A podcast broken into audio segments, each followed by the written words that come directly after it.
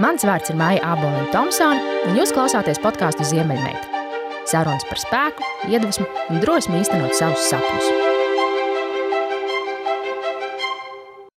Vai jūsu ceļi ir kādreiz krustojušies ar tiem dažiem laimīgajiem, kuri nav strādājuši nevienu dienu savā mūžā?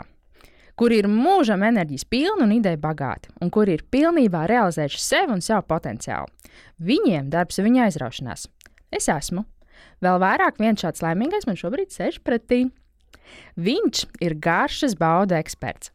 Viņa ikdiena paiet pētot, iepazīstot, izzinot, izgaršojot, novērtējot, rekomendējot, kombinējot, ceļojot, nu, kad tas bija iespējams, uzzinot, lasot, mācoties, degustējot, vērtējot, diskutējot un atkal viss no jauna ar pētīšanu, iepazīst, iepazīšanu un izgaršošanu.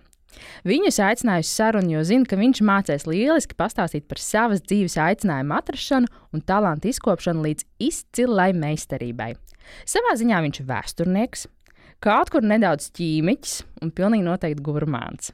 Un tā, dāmas un kungi, viens no ievērojamākajiem Latvijas vīnziņiem, vairāk kārtais Latvijas čempions, kurš iegūs arī labākā vīna titulu Baltijā un ir cīnījies par pasaules labākā vīna eksperta titulu, Latvijas Vīnziņa asociācijas prezidents Jānis Kaļķis. Sveiks, Jāni!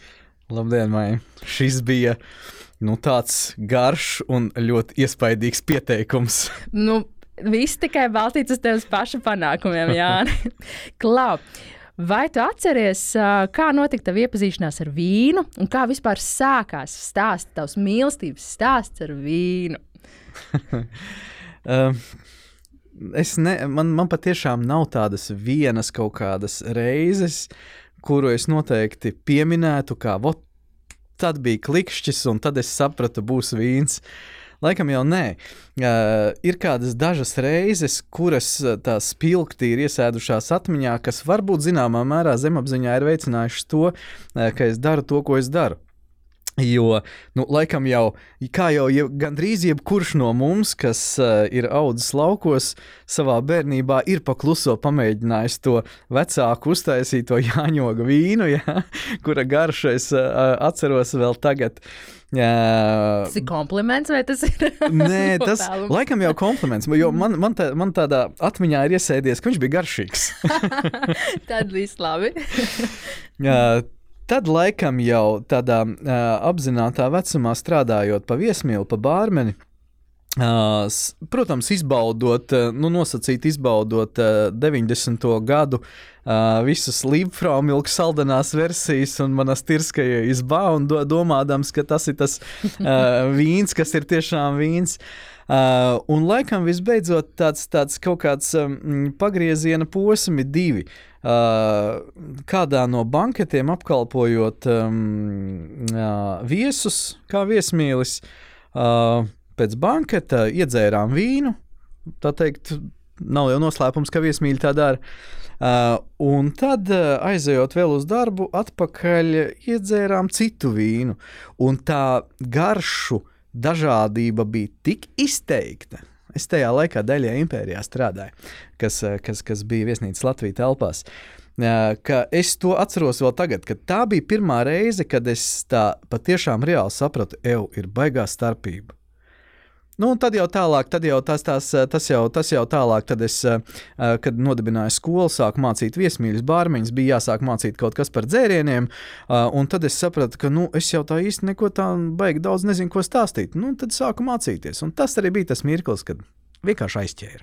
À, tad, respektīvi, par ko mācīt, par vīnu. Un tad tu sāki lasīt, pētīt, garšot, ar ko vispār sākās tas Uh, sāku mācīties viesmīļus un bārmeņus. Kokteļi, apkalpošana, uh, un, bet uh, visā tajā stāstā viesmīlībā neatņemama sastāvdaļa ir dzērienu pasniegšana, vīns. Un, uh, nu, tas, tad es tā kā varētu pat teikt, apstākļu spiests bija mazliet pamācīties par to. Nu, tas mazliet uh, nu, jau ir ievilcies vairāk kā uz 15 gadiem. Klausies, mm, Kā, kas vispār ir vīnziņa profesija, uz ko tā balstās? Un vai vispār uh, vīnzinim ir iespēja pateikt, o, es tagad esmu tāds apaļš un gatavs un gudrs, ja tas tomēr ņemot vērā to, ka tā, tā vīna kultūra visu laiku aug un attīstās, arī tā ir tāda profesija, kurā tev jāmācās visu mūžu. Ir. Nu, kā lielākā daļa profesiju, noteikti, ka visu laiku varbūt pat ne jāmācās, bet noteikti nu, jāuztur formā sevi, jāseko līdzi kaut kādām tendencēm. Tas, tas gan noteikti. Vai jāmācās? Nu, Laikam, ja, laikam man ir jāsaka, ka uh, es savulaik mazliet pārmācījos. Un, uh, Kā tas ir iespējams? uh, nu, bija tā, ka kaut kādā brīdī es nolēmu sakārtot, tā teikt, pa plauktiņiem visas savas zināšanas, jo viena kursi, otra kursi, viena skola, otra skola. Un tad es iestājos Eiropas Vīna akadēmijā un paņēmu uzreiz to augstāko latiņu, īsti laikam nesaprotot, ko tas nozīmē tādā Eiropas manierē mācīties, un, un, un vēl angliski. Un, nu, tad es vairāk kā trīs gadus pavadīju praktiski katru vakaru. Mācoties, rakstot, sestdienas, svētdienas, četrās sienās, mācoties, rakstot. Skolā.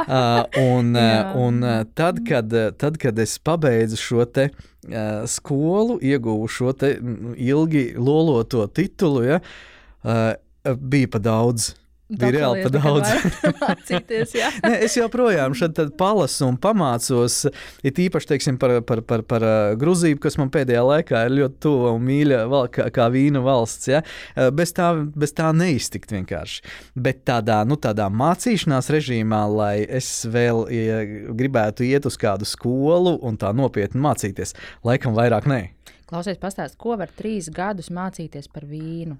Katru vakaru mācīties un lasīt. Un... Uh, es, es pat šajā kontekstā pat nezinu, ko lai pasakā, jo vie, pat ne par vīnu, par vīnzinību. Jā. Jo vīnzinība Tas ir vīns, tas ir stiprais alkohols, tie ir kokteļi, tie ir sieri, tas ir cigāri, tas ir ūdens, tā ir tēja, tā ir kafija, tā ir apkalpošana, tā ir pārdošana. Tas ir process. Ta, jā, tas, tas ir viss tāds kopā, kopā ņemot, un tur jau tad arī salasās. Tad gan jā. Jo man liekas, ka tās ir arī zināšanas par ķīmiju, tā ir arī uh, bioloģijas zināšanas par to, kā jāaudzē vīnogas. Protams, zināmā mērā, jo katrs vīnzins jau kaut ko paņem vairāk tā dziļāk, to, kas viņam ir tuvāks sirdī. Ja? Kāds vairāk varbūt par, par pašu audzēšanu un augsnēm tur parokās dziļāk, ja? mm. kāds varbūt par šo ķīmisko gatavošanas procesu. Katrs to vīnu izprot protams, ka kopumā vienādi, bet eh, katrs no tāda mazliet cita skatu punkta. Un tāpēc, tad, kad es lasu lekcijas vai vadu degustācijas, eh, es vienmēr saku, ka uh, mans viedoklis ir mans kā vīnziņa viedoklis, bet noteikti uzklausiet vēl kādu vīnziņa viedokli. Jo vīns tā nav viena patiesība. Uh, vīns uh, tas ir tāds diskutabls dzēriens no dažādiem skatu punktiem. Tu esi teicis ļoti labi citātu, es viņu nocitēšu. Ja jūsu glāzē ir padzēriens, ar kuru vēlaties vienkārši apdulināties, nav jēgas runāt par vīnu kvalitāti un vīnu vispār, jo vīns nav paredzēts šim mērķim. Tas ir tikai un vienīgi patīkams blakus efekts, ko tas, tas sniedz. Kādam mērķim vīns ir paredzēts? Nu, es laikam teiktu, ka tas vairāk ir tāds socializēšanās dzēriens. Uh, vīns ir tas dzēriens, par kuru runāt, uh, kurš runā ar tevi šajā glāzē, esot. Uh, Un, uh, nu, kā apdullinošo dzērienu viņu noteikti vajadzētu uztvert vismazāk. Uh, un kā jau tu tur lasīji, ja kaut kur es noteikti esmu to teicis, un, un, un, un, un joprojām tā domāju, ok, tas ir tas blakus efekts, Nu, vēl tas teica, tā, dzert vīnu un domāt par to tikai kā par apreibinošu dzīvi ir tas pats, kas doties ekskursijā pa Luvru un redzēt tikai grīdas ornamentu. nu, to es neatceros, bet, bet jā, tas arī, arī tā tas ir un tāds līdzīgs epitets un izteiciens mēs, protams, varam ģenerēt ļoti daudz.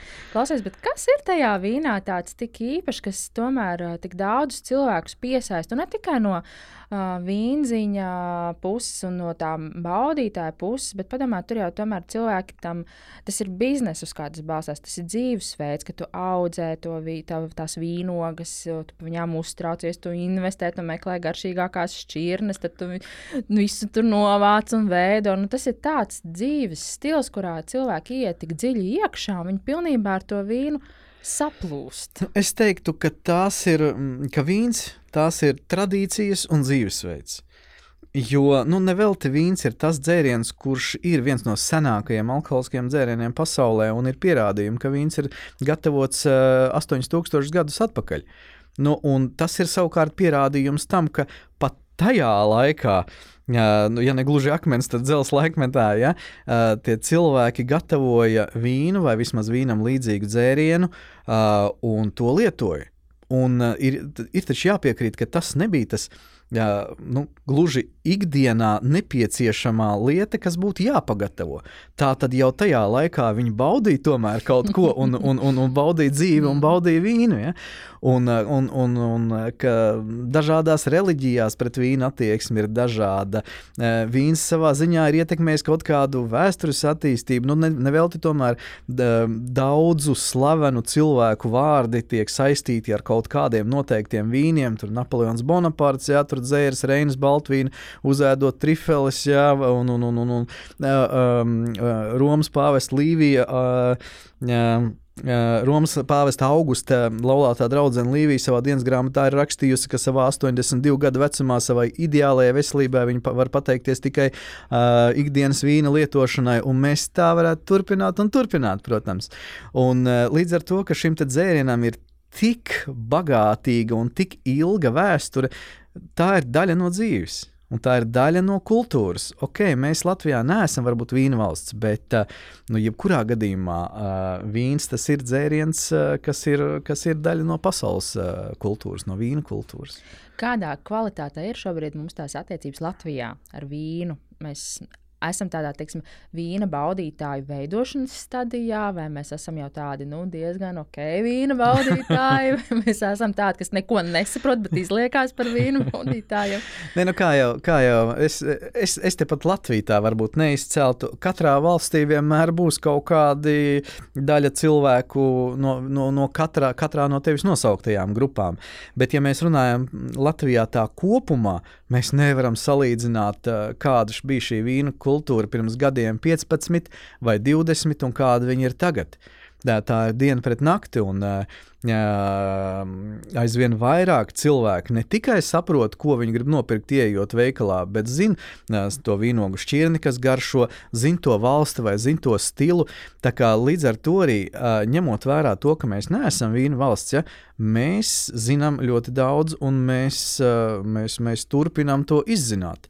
Latvijā, Latvijā ir viens no nu, ļoti plašs pieejams vīna klāsts, piedāvājums veikalos. Un arī tas ir uh, kā rādītājs tam, ka cilvēki prot izvēlēties, un viņiem ir no kā izvēlēties, viņiem ir no kā mācīties. Uh, tāpēc uh, ne tikai vīnziņi, bet arī vīna baudītāji, vīna mīļotāji Latvijā ir, uh, es teiktu, augstā līmenī. Mm, to ir patīkami dzirdēt. Cik tu esi pats garš noprovējis? Es kādreiz mēģināju saskaitīt. Nē, to, to noteikti es nevarētu. Jo, jā, lai arī um, ir, zin, ir, ir cilvēki, ar kuriem iepazīstoties, kas tikko uzzina, ka es esmu vīnzinis, Visi uzreiz pasakā, oi, nu kas tad tur, nu, tev tā foršais darbs, ņem tik un dzeri. Ja? Bet eh, paties, tā patiesība jau ir nedaudz citāda, jo, uh, ok, tas baudīšanas process, viņš ir zināmā mērā patīkams, bet degustācijas process, tad, kad notiek vīna atlases vai, vai žūrijas vai kaut kas tam līdzīgs, uh, kaut vai viens uh, piemērs. Uh, reize gadā Latvijā notiek šis te uh, gada vīns konkurss, uh, kurā ap, piedalās apmēram 500 vīni katru gadu kas tiek izdegustēti triju dienu laikā. No 9 rītā līdz 5 vakarā žūrija izvērtē šos vīnus, un katru dienu ir jāizdegustē uh, vismaz 100 vīni. 100, 150 no, uh, tas ir, tas ir, tas ir um, uh, otršķirīgi. Un tad pēc, pēc tam tajos pūkstens piecos aizejot uz mājām, vienīgais, ko gribās, tas ir nokrist gultā un aizmigt. Un tas nav dēļ reibuma, tas ir dēļ noguruma. jo tas, ir, tas nav tik viegli, kā, kā, kā varbūt tas izklausās. Tas ir, tas ir diezgan smagi, ja dienā ir jānodegustē 100, varbūt dažreiz pat 200 vīni. Un tieši tāpat tās arī ceļot ir forši. Bet, ja, ja ceļojot pa to pašu Franciju, dienā ir jā, jāapmeklē trīs, četras vīna darītavas ar degustācijām, tad vakarā jau priekš kaut kādas vīna baudīšanas gluži vienkārši nepietiek spēka. Un, un tev no rīta atkal ir astoņos jāceļās, jo tu zini, ka tev nākamajā dienā atkal ir šīs trīs vīna darītavas ar visiem starposmiem pa ceļam, ar pārbraucieniem. Un, un nu, ja, ja, ja kādā no vīna ceļojumiem vienu dienu tiek veltīta tomēr apskatei un, un, un labsajūtai, ja, tad jau tas ir forši. Klausies, bet vai tas nozīmē, ka, lai kļūtu par vīnciņu, tev savā ziņā ir jābūt dabas, tiksim, tā šūpuli ieliktam talantam, mm, spēt perfekti izgaršot garšas un saost? Ja tas ir uztrenējams. Kāds pasaulē prominents vīna cilvēks ir teicis, tas tie pat nav mani vārdi, ka no tāda garšu skatu punkta par vīnzini var būt jebkurš. Ir tikai daudz jādegustē un jāsalīdzina. Un šo garšu var izkopt. Uh, cita lieta ir šī te, uh, teorētiskā bāze, jo uh, garšošana tas ir, tas ir, tā ir niecīga daļiņa no vīnziņa darba. Visam pamatā ir teorija, ļoti daudz teorijas. Reģioni, ražotāji, valstis, augsnes, vīnogulāji, reitingi un daudz, daudz kas cits. Klau, Bet kāds ir bijis tavs ceļš līdz uh, Latvijas topa vīnzinim? Tas ir tev tas tā ir dabiski, organiski sanācis, ja tev tas ir tā, nu, tas ir mans mērķis, es to iešu, ja tev tas tāds ups, sanāca. Nē, tas, es laikam esmu šajā gadījumā no tiem, kam tas ir nācis ar tādu smagu darbu. Jo, uh, uh, lai lai teiksim, kaut kā pierādītu kaut kādas savas zināšanas, lai mācītos, lai pilnveidotos, es vienmēr esmu teicis arī to, ka vajag piedalīties konkursos. Un uh, Latvijā pirmais vīnziņu konkurss notikās 2006. gadā. Uh, ko organizēja Latvijas Vīziņu asociācija, par kuru es tajā laikā vispār nezināju, ka tāda eksistē. Uh, un um, aizejot pirmo reizi uz šo konkursu, tīri pārbaudīt sevi. Vienmēr ir patikuši konkursi. Uh, um, ieguva otro vietu. Netiešām. uh, un, uh, pirmkārt, jau bija mazliet uh, pārsteigums, hm, tad varbūt es kaut ko zinu. Uh, bet tad bija no otras puses tas āķītis. A, kāpēc otrais? Tā ir vienmēr otrās vietas lielākā nelaime. Kāpēc ne pirmais? Nu, lūk, un uh, tad vēl kādu laiku es tādā varbūt puslīdz nenopietnā režīmā ņēmos ar šiem konkursiem un, un, un, un pilnveidojos un mācījos. Un tad jau tā diezgan mērķie, mērķiecīgi jau uh, gāju uz šo pirmo vietu. Bet, uh, bet uh, kā jau es teicu, tas ir tāds smags darbs, jo uh, uz skatuves uh, vīnzinis. Tas ir tāpat kā, kā sportā. Var cilvēks skriet savam priekam un var nodarboties ar profesionālo sportu. Ir konkurss un ir uh, vienkārši vīna baudīšana. Uh, un tāpēc uh, ir tā teikt divi veidi cilvēki, kuri uh, piedaloties šajos konkursos, Viens ir, viens, viens ir tas cilvēks, kurš uziet uz skatuves, un es teiksim, viņam nostājos blakus. Mēs nedarām neko, mēs noejam no skatuves, un viņš ir uzvarējis. Kāpēc? To neviens nevar izskaidrot. Tas ir vienkārši viņa skatuviskais tāds harizma, uh, harizma un, un, un, un, un, un vēl, vēl kaut kas. Ja? Uh, savukārt, uh, lai es uzvarētu, man ir pie tā jāpiestrādā. Uh, un tā nu, pat, tā nu cauri tiem gadiem ir sanācis, ka, uh, ok, es esmu uzvarējis, bet tas man ir nācis ar tādu nu, diezgan smagu darbu un, un, un, un neatlaidību. Tad būtībā tas ir tāds beigais mērķiecīgais dzīvē. Uh, šajos jautājumos noteikti, ka jā. Vispār es esmu diezgan, diezgan neprecīzs un gaisīgs, un, un daudz ko aizmirstu, un nu, varbūt izdaru neprecīzi. Ja? Vajag līdzsvaru dzīvē. Bet, ja teiksim, tu ieskicē kaut kādu savu nākotni, tu arī liec tādus, nu, tev ir kaut kāda nākotnes milestone, kas tev šis te tagad man būs tuvākajā nākotnē jāizpild. Um, jā un nē. Es zinu, ka es ar uh, vīna, vīnu nodarbošos ilgi vēl.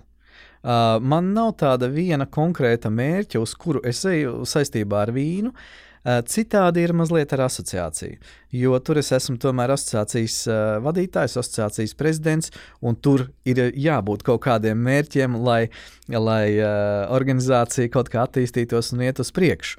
Un, nu, kā reiz nākamā nedēļa ir valdes pārvēlēšanas, pārvēlēšana un arī attiecīgi prezidenta pārvēlēšana. Un, un, un, un, un, un es noteikti arī kandidēšu vēl uz vienu šo te termiņu, jo pēdējā gada laikā man ir jāatzīst, ka nav īsti izdev, izdevies izdarīt daudz, zinām iemeslu dēļ. Ja? Gan priekš asociācijas biedriem, gan varbūt asociācijas attīstības nolūkos. Tāpēc tāds mans dzīves tālākais mērķis ir diezgan vienkāršs. Pēc trim gadiem apmēram es taisos pārvākties dzīvot uz um, laukiem.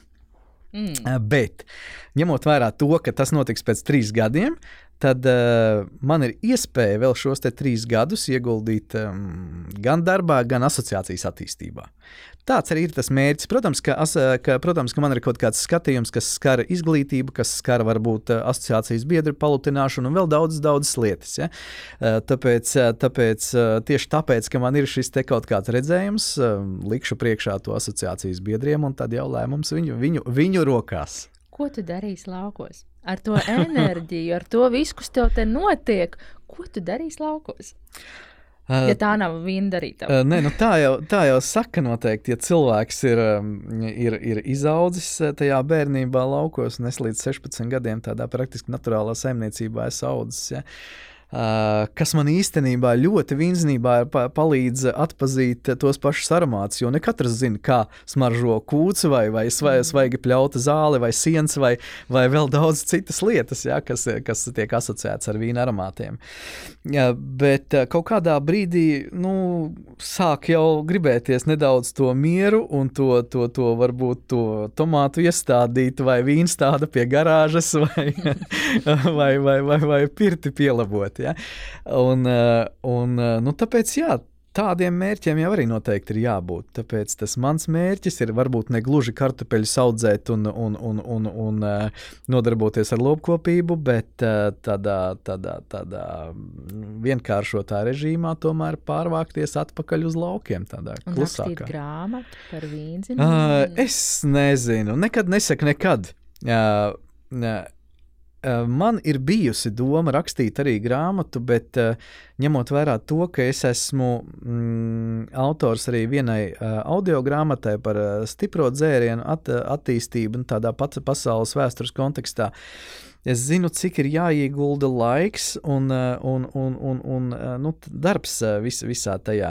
Un pat ja es šādu grāmatu rakstītu, es noteikti viņu rakstītu ne tikai par vīnznību, es rakstītu viņu par viņa par eh, viesmīlību, par viesmīļiem, par bārmeņiem, par to background dzīvi un, un, un tad jau par vīnznību visā tajā. Tā būtu laikam tāda grāmata par uh, par sabiedriskās ēdināšanas aizkulisēm, tādā varbūt skaistākā formātā. Uh, ja es to darītu, bet, uh, kā jau es teicu, es zinu, cik tas aizņem laiku, un, un, un, un, un patreiz es uh, tuvākajā pārredzamā nākotnē neredzu, ka man būtu laiks tam. Kāda ir mums Latvijā šī vīnzenības un viesmīlības kultūra, un kas vispār ar to kultūru notiek šobrīd, un kā viņa attīstās? Divi skatu punkti. No viena skatu punkta eh, ļoti labi, no otra skatu punkta varbūt uh, sliktāk, jo mm, mums ir attīstīta sabiedriskā ēdināšana, mums ir labi restorāni. Uh, un šajos restorānos, protams, arī cenšas strādāt pie mm, nu, tā apkalpojošā personāla meistarības un izglītošanas, bet no otras puses, vēl joprojām ir diezgan liels, uh, liela daļa uh, restauratoru, kas tomēr uzskata, ka par viesmīlu var būt jebkurš. Kamēr tu mācies, nāc pastrādā, kamēr tev nav ko darīt, nāc pastrādā, un pēc dažādiem kritērijiem tiek, tiek paņemta darbā šie cilvēki. Tāpēc arī, tāpēc arī protams, šī sadaļa nedaudz pieklibo. Uh, un vēl jau es laikam teiktu, ka uh, mūsu izglītības sistēmā ir lietas, kuras noteikti varētu pielabot, uzlabot viesmīlībā, jo līdzi velkās šī te vecā, nu nevar teikt vecā skola, vecais, vecie paradumi, piemēram, viesmīlības programmas veidot uz veco programmu bāzes.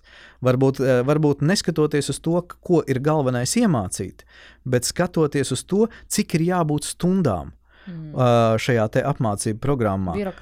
Un tad, un tad jau, tad jau tiek, tiek pielāgota šī programma šīm vajadzīgajām stundām.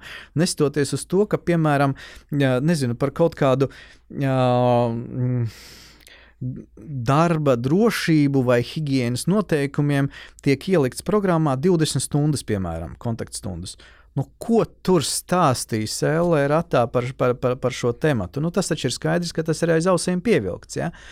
Un, uh, diemžēl šādā veidā arī uh, vīnzinības uh, programmas zināmā mērā tiek veidotas. Tā, pie tā ir jāpiestrādā. Bet uh, arī tur lieliem soļiem iet uz labo pusi. Un, uh, gan sadarbībā ar Latvijas Inziņu asociāciju, gan ar restorānu biedrību, gan ar Viesnīcu un restorānu asociāciju, uh, sadarbībā ar uh, Valsts satura izglītības uh, centru. Ja? Uh, tur tā sadarbība veidojas aizvien uh, labāka un aizvien vairāk tiek piesaistīti profesionāļi šo programmu izstrādē. Protams, ka saskaroties ar to birokrātiju, daļa no tiem profesionāļiem vienkārši nospļaujās un pasakā, nē, nē, nē, es šito nevaru. Bet uh, tas notiek, tas process varbūt ir lēnāks nekā gribētos, bet uh, ir panākts diezgan daudz ir, ir, ir, ir uh, ja mēs runājam par tādu vīnzenību no valstiskā uh, skatu punkta, ir, uh, ir, ir panākts tas, ka profesija klasifikatorā Latvijā ir vīnzinis, ir profesijas apraksts, ir valstiski apstiprināta šī programma. Asociācija ir arī šajā nozara eksperta padomē. Uh, Latvijas vīnziņa asociācija dod piekrišanu skolām uh, pilnveidot šo te šo te programmu un, un apmācīt. Un uh, patreiz arī, kā reiz šodien, šodien bija saruna par to, ka mēs piedalīsimies arī šo te programmu akreditācijā. Mēs esam izstrādājuši vadlīnijas uh, uh, eksāmeniem, respektīvi, mēs darām. Uh, na, na, neguļam uz lauriem, un tas viss, tas viss kopā rezultē, kādreiz tas rezultēsies tādā ļoti pozitīvā uh, rezultātā. Bet, nu, kā jau es minēju, tas iet mazliet lēnāk nekā gribētos, jo gribās jau visu forši un uzreiz. Klausies, kādam ir jābūt ideālam viesmīlim? Uh, um, no viesa vai no restaurātora skatu punkta? no abiem. Es biju no viesa skatu punkta. Uh, nemanāmam. Mm. Uh, bet, uh, ziniet, es laikam minēšu vienu piemēru no 90. gadiem, kad es vēl strādāju pa viesmīli.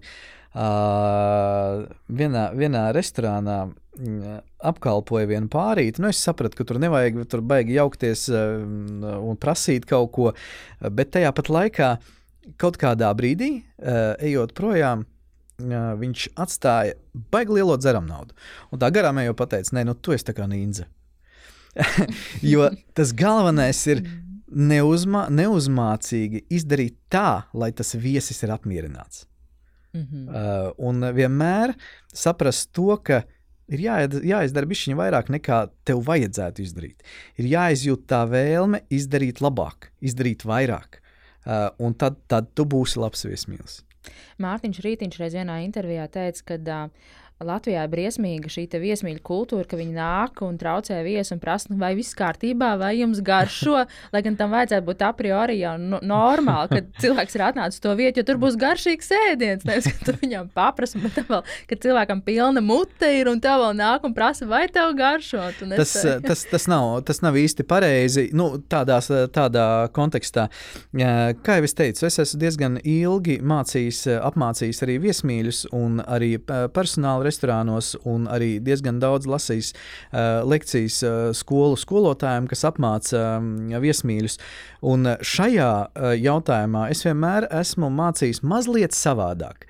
Uh, jo, jā, tev ir jāpainteresējas par viesu labsajūtu, bet vai jums garšo? Nav īsti korekts jautājums. Ir jāizvēlas pareizais brīdis, un viesim neuzmācīgi jāpajautā, vai viss ir kārtībā, vai nav vēl kādas vēlmes. Uh, nezinu, mērcīt, piedāvāt vēl kaut ko. Mm. No, mhm. tas, tas tā vairāk, kad akšām pūdeni, bet, bet tā, lai šis viesis uh, var atbildēt, nedomājot un nepiespiesti. Mm. Nevis ar pilnu muti, mm -hmm, viss ir garšīgi. Tieši tā, baidoties, kad izkritīs ārā. Klausies, bet kā tu vērtētu to uh, latviešu apmeklētāju kultūru? Tagad Kāda? ir forša. Tā ir forša, jā. Um, um, Atkal, protams, ir atkāpes kā vienmēr, un tas ir tas cilvēciskais faktors, tas ir tas garastāvokļa faktors. Uh, bet uh, mēs nevaram salīdzināt atkal to, kas, kas notikās šeit 90. gados vai 2000. Jā, sākumā, ja? un uh, kā tas ir tagad. Um, uh, jāatzīst, ka joprojām liela daļa viesmīlību vai viesmīli nu, neuzskata kā profesiju un kā profesionāli. Uh, Bet uh, arī, arī, arī drīz vien pie mums jau ir cilvēki, kas cienījamos gados strādā pa viesmīli, un es noņemu cepuri viņu priekšā. Ja? Uh, tāpēc tāpēc uh, es teiktu tā, 90% viesu ir ļoti ok. Mēs mākam uzvesties restorānos. Jā. Oh. mēs mākam saprast, kurā restorānā kā ir jāuzvedās. Jo nevar salīdzināt fine dining restorānu un, piemēram, ģimenes restorānu. Uh, uz, uz, uz, uz vienu jūs aiziesiet, gūt garšas baudījumu kaut kādā degustācija ēdienkartē, un nu, īsti laikam nebūs pareizi ņemt līdzi bērnu vai, vai, vai, vai, vai suni vai vēl kaut ko tam, tā, tam līdzīgu. Bet kā lai es tam bērnam iemācu tādā gadījumā šo etiķeti, kā uzvesties? Viss ir kārtībā, ejiet uz ģimenes restorānu un atpūtieties. Un tur jo tur par to ir padomāts. Fine dining restorānā neiedos zīmuļus un krāsoja krāsojamo grāmatu. Fine dining restorāna būtība ir sniegt garšas baudījumu cilvēkam, kurš meklē šo baudījumu. Um, savukārt ģimenes restorānā vienmēr būs padomāts par rotaļistabu, par bērnu ēdienkartu un vēl daudzām, daudzām citām lietām. Tāpēc to, to cilvēki nu, nu, jau, nu jau praktiski saprot, ka kurā restorānā uh, ar ka, uz, uz kuru restorānu ar, un ar kādu mērķu viņi iet. Un kuru restorānu tipi mums ir vairāk pieprasīti? Kur latvieši iet vairāk? Dažādi. Um, mums, mums varbūt nav ļoti daudz uh, fine dining restorānu uh, tīri dēļ vidējās pirktspējas uh, valstī.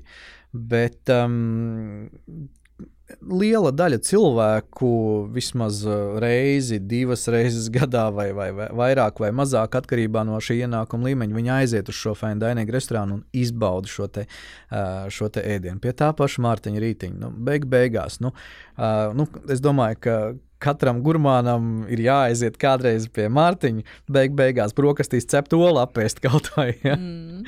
jo viņi garšos citādi, jo to ir pagatavojuši Mārtiņš Rītiņš. Klausies, bet tev pašam no tavas personīgās pieredzes, tas ļoti daudz ceļojis arī uh, pa pasauli.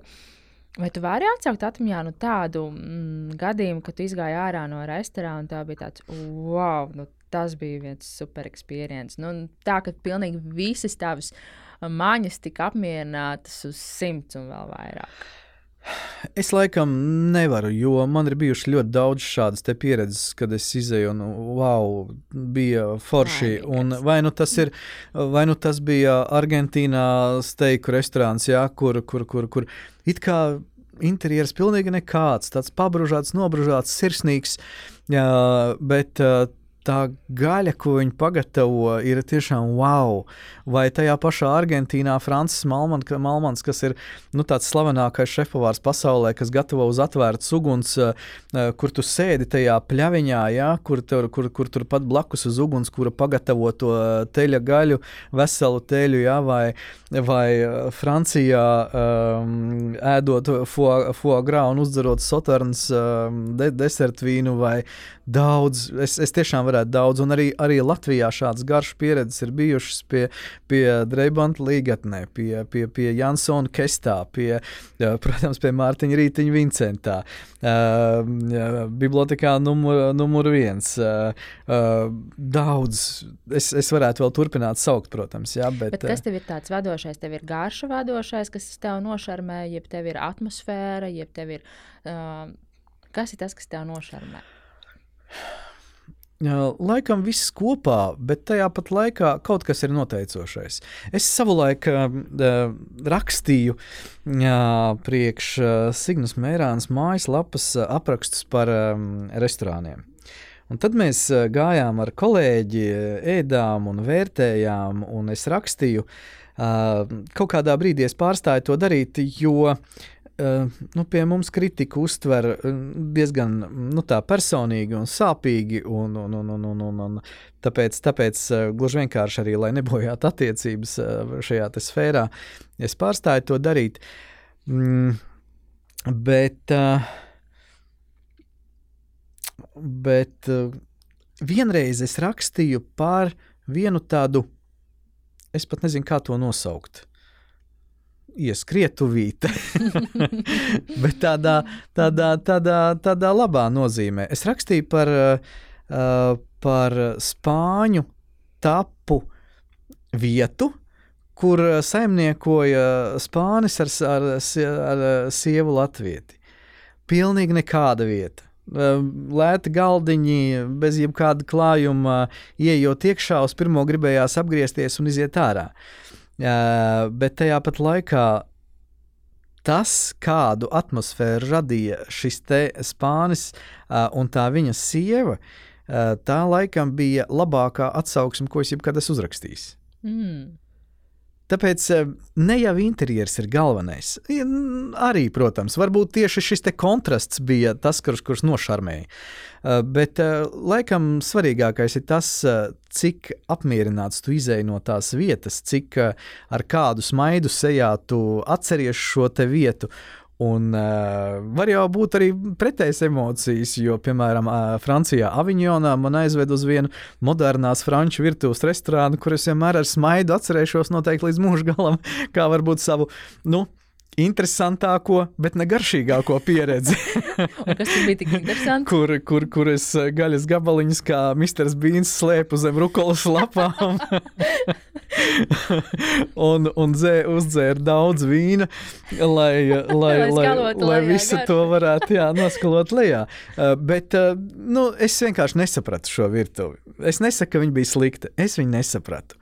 Jo nu, ēst eh, puscentimetru biezus eh, jēlus, pīles, gaļas gabalus, ko, kas ir nosaukti par karpačo, kurus nevar īsti sakošļāt, laikam nav priekš manis. Ja? Vai, vai, vai tur tā zivju zupa, kas bija ļoti īpatnēja, pēc skata atgādināja no dubļiem, no, no peļķes pasmelts dubļu ūdeni un, un, un iemestiem gliemežu vākiem. Ja?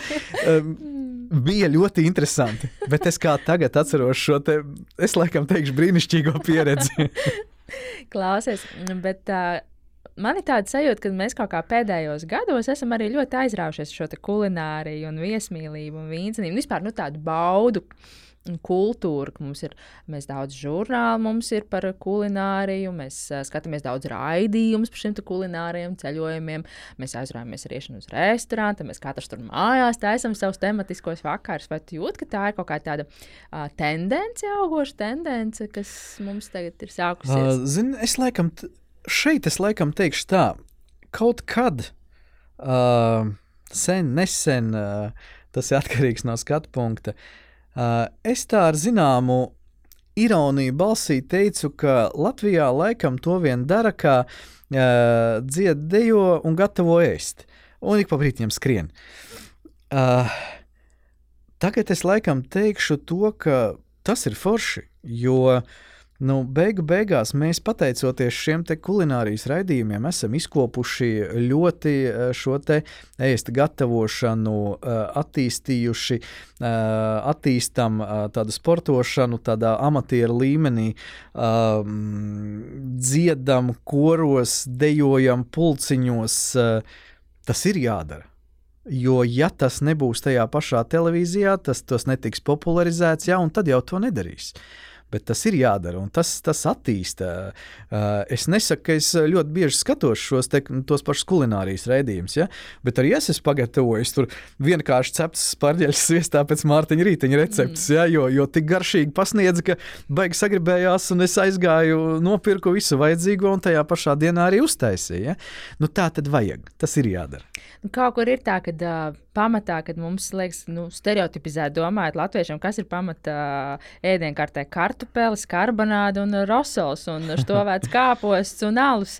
Tad uh, tagad liekas, ka mēs kļūstam tādi smalcinātāki un meklējam vairāk šo garšas piedzīvojumu un eksperimentējam ar dažādām pasaules garšām. Uh, Šeit es laikam teikšu ļoti vienkārši. Mēs joprojām ēdam un turpināsim ēst karbonādus un to pašu nonievāto siļķi, kas ir brīnišķīgs produkts. Ja? Bet uh, ir jāmēģina ik pa brītiņam kaut kas cits. Uh, jā, es arī karbonādu zēdu ikdienā, un ļoti garšo, viss ir kārtībā. Bet um, nu, pamēģiniet to fermentēto sūnu. Uh, Valmiera mūžā, ko pasniedza savulaik uh, Uģis uh, šefpavārs, vai, vai, vai to sakapāto vērša sirdi no Taškāna šefpavāra, vai, vai vēl kaut ko citu. Tas ir, tas ir jāpabauda, tas ir jāsaprot, ir tavs vai nav tavs. Tā jebkurā gadījumā būs brīnišķīga pieredze. Neviens jau nesaka, ka ikdienā jā, tās fermentētās sūnas un jālās vēršas sirdis. Bet tu pats esi tādā gadījumā tāds piedzīvojuma meklētājs. Tas ļoti atvērts, liekas. Pasaulē. Man ļoti patīk. Man tiešām ļoti patīk uh, baudīt, izbaudīt, pamēģināt. Uh, un, uh, jā, laikam, laikam ir tikai viens produkts, ko es. Uh, no kuriem izvairos, tās ir sēnes, kas man nu, kaut kā vienkārši ļoti negaršo. Un pat to es esmu mēģinājis. Uh, tajā pašā Austrijā, vienā no restorāniem, esot mums gatavoja vakariņas. Ļoti slavens Austrijas šefpavārs, un tā bija sēņu sezona, un viņš ar tādu lepnumu atnesa tādu palielu bļodu, vairāk kā pusē ar šīm sagatavotajām sēnēm, un es kā tagad atceros gandrīz ar asarām acīs, bet es mēģināju saprast to ēdienu, mēģināju izbaudīt viņu, uh, uh, un nesanāca īsti, bet, uh, bet, bet uh, ir bijušas vēl reizes, reizes tur uh, Igaunijā vienā čempionātā es atceros, šefpavārs pagatavoja ēdienu ar sēnēm, kurš man ļoti garšoja. Uh, tā bija vienīgā reize, un uh, šo reizi es atceros, ka var. Tomēr var atrast arī tādā produktā, kur, kuram, kurš cilvēkam ļoti nepatīk. Uh, var viņu pagatavot, lai viss būtu ok. Tev tāds ārkārtīgi interesants mindsets patiesībā, ka tu esi ļoti atvērts iespējām. Kas ir tas, ko tu māci saviem bērniem? Kā tu viņus vadi? Un, jo, nu, ja tu pats dzīvē visam kā, vairāk vai mazāk saki, jā, es esmu tam gatavs, let's do it, es pamēģināšu. Kā tu audzini savus bērnus? Uh. Laikam jau tā brīvi. Nu, gribi, gribi, gribi, negribi, negribi. Jaunākā meita man, uh, Emīlija, Uh, viņa, viņai ir astoņi gadi, un viņai ir pret visu jauno, kas ir ēdienkartē. Viņai, ja nepatīk vizuāli, uh, vai viņa nekad nevēdus, viņa jau ar lielām aizdomām skatās uz to un saka, nē, es neēdīšu. Nu, protams, ka es pasaku, nu, varbūt pamēģini vismaz, ja, vai vēl kaut kā, bet ir daudz lietas, no kurām viņa atsakās, un es arī, protams, neuzspiežu. Ja. Uh, vecākā meita Katrīna ir atvērtāka eksperimentiem. Un varbūt arī tāpēc, ka uh, septiņos gados es viņai sāku stāstīt par vīnu. Mm. Uh, un uh, to es sāku darīt pēc tam, pēc viena no Francijas braucieniem, kur uh, degustācijas laikā šampaņā uh, uz šampāniešu namu atveda bērnu dārza grupiņu.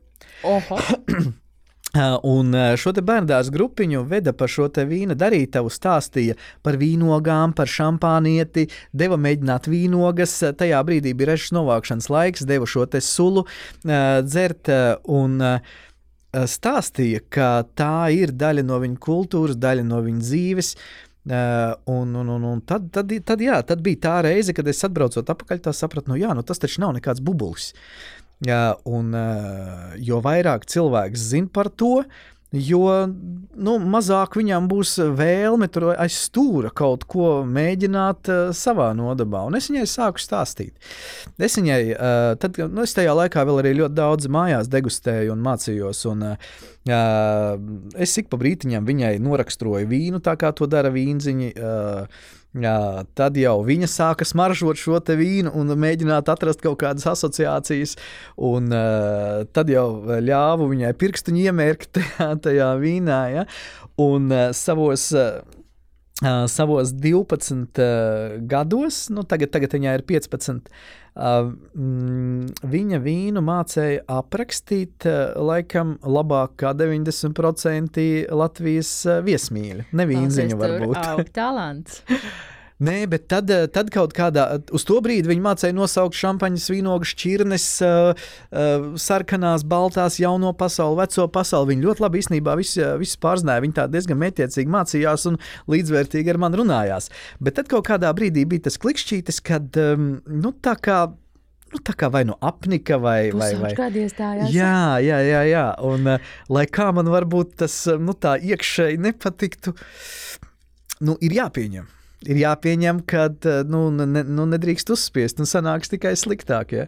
Un, eh, tāpēc eh, Tagad uh, viņa tā neinteresējās, bet šeit viņa pienāk pie manis, pasmaržo uh, vīnu, pasakā, ko viņa par, ko viņa par šo vīnu domā. Un, uh, un, un, un, un, un es jau vienmēr tā, jā, tā smējos, nu, viņas pirmajām čomām būs diezgan grūti. Nu, tur neiztiks ar burbuļu ūdeni, saldeni. Klausies, bet tad jautājums, kāds ir tavs viedoklis? Kā vecākiem pareizi mācīt bērniem attiecības ar alkoholu?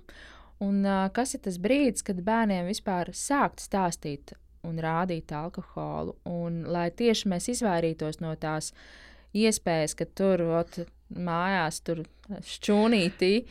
Nu, jeb... Nu, šeit laikam es, es pat negribētu kādam kaut ko ieteikt, jo tas ir tik. Nu, tik slidens uh, temats, uh, ka mm, katram ir ļoti noteikta pārliecība un nostāja, ko vajag vai ko nevajag stāstīt saviem bērniem saistībā ar uh, alkoholu kā, kā tādu. Ja?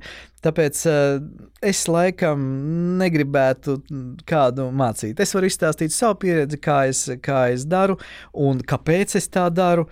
Jā, arī jaunākajai meitai es ļauju pasmaržot uh, vīnu, un es ļauju iemērkt to pirkstiņu tajā vīnā. Viņa zina, ar ko es nodarbojos, bet ne vairāk. Ja? Uh, vai tā ir pareizā vai nepareizā pieeja. Tā ir mana pieeja. Mm -hmm. Bet eh, vai to vajag eh, nu, pasniegt kā pareizo? Nē, noteikti, ka nē. Nu, man vecāki pat mudināja mēģināt, bet viņa klātbūtnē. Uh, jā, jā. Un... Tas, ir, tas, ir, tas, ir, tas ir tas, lai, lai, lai tajos pašos pus, pusauģu gados tas nebūtu tas aizliegtais auglis, jā, ko gribās jā. pamēģināt aiz tā stūra. Jā, jo tagad, kad es viņu klātbūtnē pamēģināju, tu zini, kas tas ir, un tad tev nevar ar to intrigu, ej, nāc, pamēģini to. tad vienmēr es domāju par to, ka nu, šī ir tāda ļoti slidena tēma, bet, nu, uh, Tu no viņas arī nevari izvairīties no tā ziloņa istabā. Nē, agrāk vai vēlāk viņš parādīsies. Jā, un tad drīzāk man liekas, ka ir labāk, ka tu par to stāsti, tu par to rādi, tu viņam piedāvā tieši tā, nu, iemērt to pirkstu pagaršot, un kad tu nerādi to sajūtu, ka tas ir nedrīkst. Nedrīkst, jo tad tu zini, nu, ka nu, tad ja nedrīkst, tad kāpēc tu to dari? jā, jā, galu galā, vai ne? Un tad, ej, man ir kaut kas, ko vecāki teica, ka nedrīkst, es nočiepu, vai ne? Un, un tad tas aiziet jau tālāk tādās diezgan negatīvās uh, sliedēs. Mm, tā kā, jā. Nu, jā, tāds ir arī mans uzskats, bet uh, jā, tas ir tāds. Mm, Ko, ko, ko, ko es ar meitām runāju. Ar, ar dēlu, man, man dēlam uh, ir 25. Uh, viņš no viņa vispār neko nesaprot. Uh, un uh, arī noteikti tādēļ, ka tajā laikā, kad uh, ar, nu, es nodarbojos ar viņu audzināšanu, tad uh, nu, es ar vīniem vēl tā neņēmos. Vēl nebija atklājis. Viņš. Nē, nē.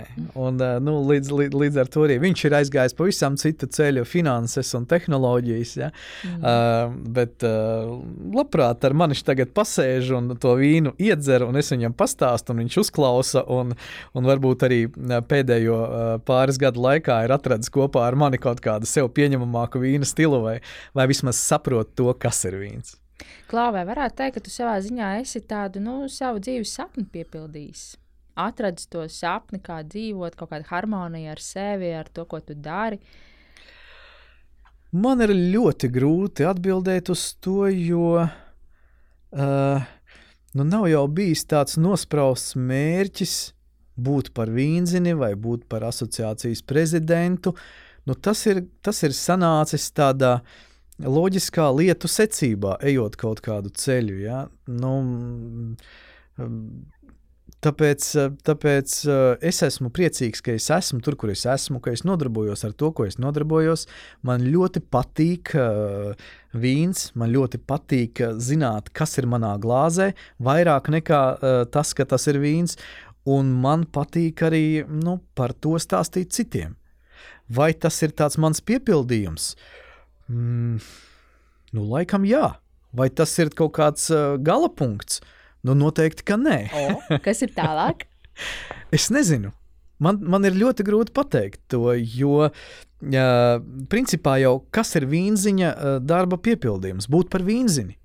Tas ir dzīves aicinājums. Jā, jā nu, vīnziņas, somelieris, nu, saucam, kādā valodā mēs, mēs gribam šo profesiju, bet uh, nav jau tāda uh, vīnziņa augstākā punkta, par ko viņam noteikti vajadzētu būt. Uh, tu esi vīnziņš Un vīnziņš sevi ietver darbu restorānā, varbūt uh, zināmā mērā kaut kādu personāla apmācību un tam līdzīgas lietas. Ja jau tu gribi iet kaut kādā nākamajā, uh, tā teikt, uh, līmenī, uh, Master of Wine, Master of Sommelier, ja, uh, ok, to var darīt bet uh, ņemot vērā šo nelielo Latvijas tirgu, uh, nu, ir ļoti grūti sevi realizēt uh, šajā, š, šādā līmenī. Bet uh, atkal noņemt cepuri. Mums ir Latvijā cilvēki, kas mācās uz to, un uh, es ļoti ceru, ka tuvākā vai tālākā nākotnē arī Latvijā būs kāds pirmais Master of Wine vai Master, master Sommelier. Uh, nu, tie, kas, tie, kas uh, tiek, tiek uzskatīti, nu, tā nosacīti pasaulē par pareizākiem. Tādu cilvēku nav daudz. Uh, pa, arī pasaules skatu punktā. Ja. Uh, un um, man arī ir tituls International Master Sommelier, ko es esmu ieguvis uh, Eiropas Vīna akadēmijā, ja, bet tas, tas ir nedaudz, nedaudz uh, citāds. Tāpēc uh, es noteikti iešu tālāk, un es noteikti darīšu. Bet uh, ir forši arī tagad. Klausies, vai uh, vīna mākslā ir inovācijas? Vai viņi attīstās, ja tā ir vairāk tāda māksla un zinātne, kas balstās uz tradīcijām un uz to vēsturi. Ir tendences vīna pasaulē. Un, eh, un šīs te tendences mainās no laika uz laika. Laiku bija laiks, kad tikai Francija gatavoja vīnus labos, nu vismaz pēc cilvēku uzskatiem. Bija laiks, kad visi pievērsās tikai jaunajai pasaulē un ozolu kā pārturētajiem vīniem. Bija laiks, kad atgriezās atkal pie pārbaudītām vērtībām. Tagad atkal ir šis laiks, kad visi ir pievērsušies organikai, biodinamikai, naturālajiem vīniem. Ja? Un, tas ik pa brītiņam mainās. Bet tas ir tāds, tas ir tāds stāsts par, par šo nepārtraukumu, nu, plašo vīna pasauli. Tur visu laiku būs ko atrast, tur visu laiku būs ko baudīt, un tāpēc jau šīs te tendences visu laiku mainās. Mainās, protams, arī uh, tehnoloģijas, un, uh, un, un uh, tehnoloģijas ietekmē arī vīna darināšanu, nevar noliegt. Uh, tāpēc, tāpēc rodas varbūt kaut kādi citi vīna stili, pareizāki vai nepareizāki. Tas atkal ir gaumas jautājums, un tāpēc, tāpēc vīna pasaule jau tā ir tāda nepārtrauktā mainība. Un, uh, tikai, tādā, tikai tādā kontekstā. Man reiz bija iespēja Londonā būt uh, vienā mini-vīnu darītavā, kuras galvenā filozofija bija tāda, ka uh, Uh, visi Londonas iedzīvot, visiem Londonas iedzīvotājiem, kuri savā mazajā, mazajā piemājas dārziņā, kas viņiem tiešām ir ļoti, ļoti, ļoti miniatūrs, uh, miniatūrs ja, viņiem, ja vien viņiem aug kāds vīnogulājs un viņiem ir ienākusies laba raža, viņi var nogriezt savus pāris ķekarus, aiznest uz to mini vīnu darītavu, viņi savāc no visa rajona tās dažādas šķirnes un pagatavo vīnu. un pēc tam tu vari iet un to vīnu pirkt un baudīt. Un, un, un, tu, un tie cilvēki toreiz bija tādi, mm, kas gāja arī tur un degustēja un baudīja. Viņi tādu lepnu, viņi tā, jā, bet tur ir arī manas piemājas vīnogas un cik forši, un es varu parakstīties uz tās etiķetes. Un likās, wow, tāda baiga labā doma, it kā nu tāds. Uh, bet bet uh, kā tā garša no tā iegūst, un kā tas vīns no tā kā statusa dzēriens uh, iegūst? Šādi dara daudz, kur jā, jāsaka um, par, par tā vīna kvalitāti. Un vīns ir emociju dzēriens. Un tas cilvēks, kas dzer to vīnu tajā brīdī, viņš zina, ka tur ir tās viņa vīnogas, ko viņš ir lolojis. Viņam tas vīns jau garšo de facto. Nē, viņi toreiz teica, nu, garš ir dīvaina. Nē, nu, Protams, ka izmantojot šīs te tehnoloģijas, eh, fermentācijas temperatūru, kultivētos augus, eh, eh, vēl šādas tādas manipulācijas vīna darītavā var uzlabot šo vīna garšu, bet, ja vīnogas ir kvalitatīvas, tad jau tur principā visam ir jābūt kārtībā. Jo jebkurš vīndars pateiks, ka vīns top vīnogulājā ne jau vīna darītavā. Ok, vīna darītavā varbūt mazliet kaut kādas korekcijas veids, bet no nekvalitatīvas vīnogas nevar pagatavot kvalitatīvu vīnu. Uh, var otrādi, protams, dēļ vīna darītavas kaut kādas uh, darbībām, ja, bet uh, ir jābūt labai, labai vīnogai. Un, liekas, ja, tas, ja tas cilvēks ir lolojis to odziņu un jā. tur mēģinājis izaudzēt, tad jau noteikti, ka viņi ir kvalitatīvi. Un, ja viņš ir ievērojis kaut kādu ražību un novākšanu un, uh, un, un, un vēl kaut ko. Nē, man liekas, vienkārši tas tāds brīnišķīgs biznesa modelis, ko arī mēs varētu pārņemt šeit Rīgā vai nu, jebkurā vietā Latvijā. Mums taču visiem ir dārzi. Mums gan izvēlēt, katram ir vīnogas auga dārzā. Tik daudz iet būvēt bojā. un te taču ir biznesa ideja patiesībā kaut kādam vīna cienītājam un tādam entuziastam, kurš būtu gatavs no visas savas kopienas, no savas pārdaugavas vīnogu šķirnes. Starp citu, kaut kāds līdzīgs projektiņš ir, ir, ir Latvijas um, vīndara biedrībai. Ar Richardu Ivanovu priekšgalā. Viņiem reizi gadā ir straupas zirgu pastā pasākums, kur piedalās arī uh, daudzi vīnderi no Latvijas, un tad tur viņiem atnes uh, katrs kaut ko. Tur nezinu, ābolus vai jāņogas vai vēl kaut ko, tad tur to samet visu vienā kublā, izspiež sulu un pagatavo to kopējo, Jā. kopējo vīnu, ja, ko tad prezentē nākamajā gadā. Ja. Tā kā kaut kur līdzīgs jau ir. Ja, nu, skaidrs. Nu, Klau, es tā mūsu no, sarunas noslēgumā gribētu uzdot pāris tādus ātros jautājumus, ko es uzdodu katram viesim, un tev ir jāspēr ārā pirmā atbilde, kas tev ienāk prātā. Un... Lai kā man nepatīk šitie, bet nu labi. Pirmais būs ļoti grūts jautājums, es ticu, priekš tevis. Tavs mīļākais ēdiens? Uh, cepta kartupeļi ar uh, sīpoliem. Kāpēc man liekas, ka kaut kad zināju, ka tu teiksi kaut ko par ceptiem kartupeļiem? Dziesmu, ko visbiežāk dungo pie sevis? Mm, nav tādas. Tiešām. Vai kāda, kas skan prātā?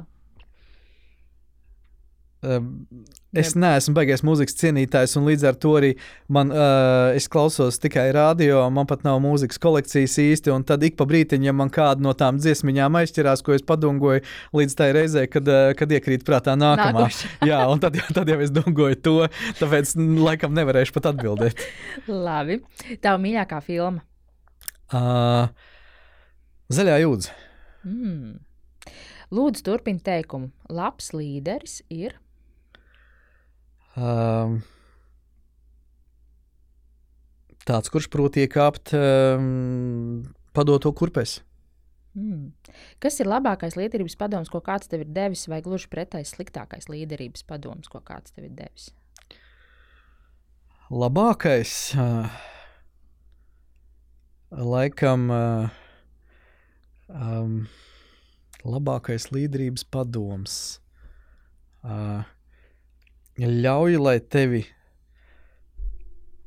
ceļ, veļ, sit un dari to pašu. Mm. tu, tur, tu, tur bija garāks tas uh, ceļš, vēl sit, uh, māca, un vēl, vēl, vēl, vēl, vēl, vēl, jā, es uzreiz tā neatcerēšos, bet laikam, laikam tas ir tas. Un tava mantra brīžiem, kad jāsaņemas, jāsaņem visa drosme izdarīt kaut ko, ko tu gatavs darīt? uh, nav nekā laikam tāda, ko es uh, nebūtu gatavs darīt, um, vai precīzāk sakot, ko es nevarētu saņemties. Uh, jo uh, nu, man laikam ir iemācījuši uh, uzņemties atbildību. Vai arī tu esi viens nāvīgi drosmīgs cilvēks? Uh, ir lietas, kuras es šausmīgi negribu darīt, kuras ir jāpiespiežās darīt, bet es saprotu, ka viņas ir jādara, jo, jo viņas ir jādara.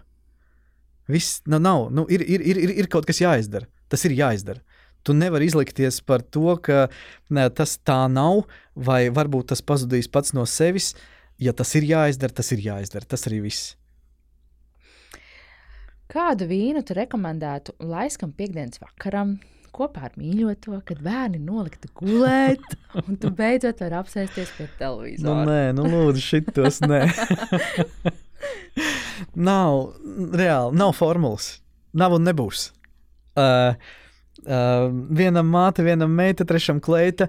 Um, un uh, arī man šie vīni mainās uh, no noskaņojuma. Uh, un, un, un, un, un, un uh, es ar savu dzīves biedri esmu tagad atradis, uh, bijām atraduši vienu vīnu, kas ļoti garšoja abiem. Kādu gadu dzērām, laikam. Uh, Uh, un tagad pēkšņi viņi man dažas dienas atpakaļ ieziņo, nē, man šitas tagad garšo vislabāk. jo es biju vienu Austrijas vīnu atnesis uz mājām, pa, pamēģināt, jā, un, un, un, un, un uh, nu, viss viņai tagad ir jauns mīļākais vīns. tāpēc, uh, tāpēc, laikam, jau de, arī dēļ tā, ka šis vīns ir emociju dzēriens, jā, nu. Uh, tas, uh, tas, tas otrs cilvēks zinās, zinās labāk, nu, kuram, kuram tad labāk to rozā proseko, vai kuram sausa baltvīnu, vai kuram vienkārši saldena rīslinga. Nu, Nu, skaidrs, jā. Nu, ko, nu, paldies tev, Liels. Bija ļoti garšīga saruna. Jā, paldies, Maija, bet uh, laikam jau tādā ātrā skrējienā mēs te kaut kam izskrējām cauri. Gan dzīvē, gan vīnam mazliet, uh, bet uh, vīna pasaule ir baigi plašā būšu tikai priecīgs, ja paaicinās vēl kādreiz uz nu, tādu mm, virzītāku sarunu, piemēram, par vīnu lieldienām. O, super, sarunāts, viss pēc mēneša. Piefiksē. Tā kā paldies, paldies jā, ka uzaicināju un uh, ceru, ka tiksimies vēl šeit. Paldies tev, Liels. Uz redzēšanos! Paldies, ka biji kopā ar mums. Ja tev patika šodienas podkāstu saruna, lūdzu stāsti tālāk par to savējiem un dalies ar Ziemeļmeitu sociālos tīklos. Lūdzu, palīdzi podkāstam sasniegt tos cilvēkus, kuriem šīs sarunas varētu būt šobrīd vērtīgas. Un vispār es gribētu aicināt veidot foršu saturu kopā, lai katra saruna patiešām iedvesmas un pārdomu pilna mācību stunda mums visiem. Tāpēc raksti man personīgi savus ierosinājumus, kuru personību stāstus tu gribētu dzirdēt podkāstā. Ziemeļmeita dzīvo Spotify, Apple podkāstos un YouTube, kā arī, protams, Facebook un Instagram. Tiekamies tur! Ah, un vēl ieskaties arī blogā Ziemeļmeita TV.CLV. Tur plašāk runāja par līderības izaicinājumiem, par identitāti un drosmi, par līkločiem karjerā, par vecākošanos. Vienmēr sakot nedaudz plašāk par visu, ko pārnāju saviem viesiem šeit podkāstā.